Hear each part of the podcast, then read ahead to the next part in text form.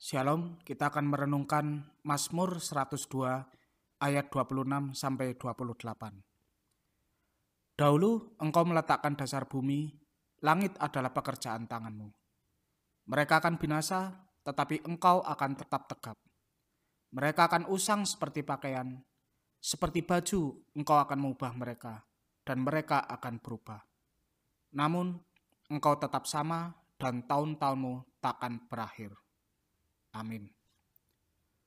Woody Allen, seorang sutradara Amerika, pernah mengatakan, "Life is full of misery, loneliness, and suffering."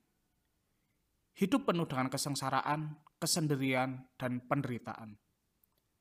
Apakah Anda percaya dengan hal ini? Jika pada saat ini Anda sedang diberkati dengan kehidupan yang lancar, mungkin tidak terlalu merasa. Tetapi bacalah berita, berkunjunglah ke rumah-rumah sakit, atau lihatlah di jalan-jalan. Anda akan melihat bahwa penderitaan merupakan hal yang tidak terpisahkan dengan kehidupan manusia. Apakah penderitaan hanya terjadi pada orang yang tidak mengenal Tuhan? Dalam Alkitab, tema ini tidak habis-habisnya dibahas. Di dalam Mazmur 90 ayat 10 dikatakan, Masa hidup kami 70 tahun, dan jika kami kuat 80 tahun dan kebanggaannya adalah kesukaran dan penderitaan. Sebab berlalunya buru-buru dan kami melayang lenyap. Kemudian banyak juga tokoh Alkitab yang bergumul dengan penderitaan. Mazmur yang berupa ratapan pun tidak kurang banyaknya. Contohnya Mazmur 102 ini yang merupakan ratapan pribadi Daud kepada Tuhan. Ternyata Daud yang dikatakan sebagai seorang yang berkenan di hatiku dan yang melakukan segala kehendakku, ini ada di dalam kisah para rasul 13 ayat 22, juga bisa mengalami penderitaan yang begitu hebat. Perhatikan saja kata-katanya di dalam ayat 4 sampai 7. Pernahkah kita mengalami penderitaan sehebat ini? Saya akan bacakan. Sebab hari-hariku habis seperti asap dan tulang-tulangku terbakar seperti perapian. Hatiku terpukul dan menjadi kering seperti rumput sehingga aku lupa memakan rotiku. Oleh karena bisingnya keluhanku, tulang-tulangku melekat pada dagingku. Aku seperti seekor burung pelikan di padang belantara, seperti burung hantu di antara reruntuhan. Kalau begitu, berarti anak Tuhan tidak ada bedanya dengan orang lain. Keliru. Kesedihan, penderitaan, dan ratapan memang bisa dialami oleh anak-anak Tuhan. Tetapi Alkitab mengajarkan itu bukanlah akhir cerita. Anak-anak Tuhan selalu memiliki kekuatan untuk bertahan. Mengapa? Di dalam ayat 20 sampai 21 dikatakan Tuhan memandang dari surga ke bumi untuk mendengar keluhan orang tahanan. Ketika anak-anaknya mengalami kesulitan hidup, Tuhan tidak diam saja. Dia mendengar doa kita dan akan menolong kita pada waktunya. Itulah pernyataan dari Alkitab.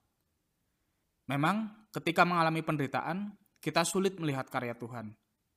Ketika diceritakan bagaimana Tuhan bertindak dalam Alkitab, sering orang berkata, "Ah, itu kan di dalam Alkitab." Tetapi marilah kita perhatikan Mazmur ini.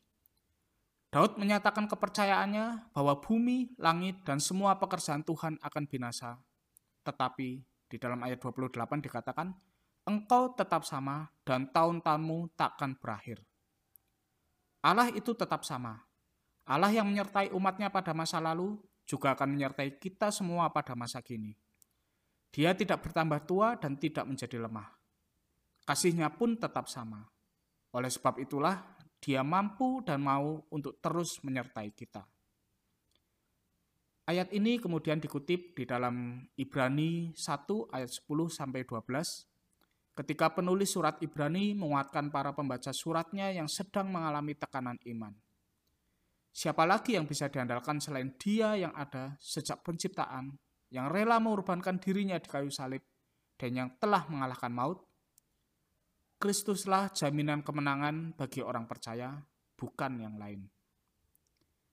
Kesulitan hidup bisa menimpa kita bukan karena Allah berubah kasihnya kepada kita, tetapi karena kita hidup di dunia yang sudah rusak oleh dosa. Namun bersyukurlah bahwa sebagai anak-anak Tuhan, Allah ada di pihak kita.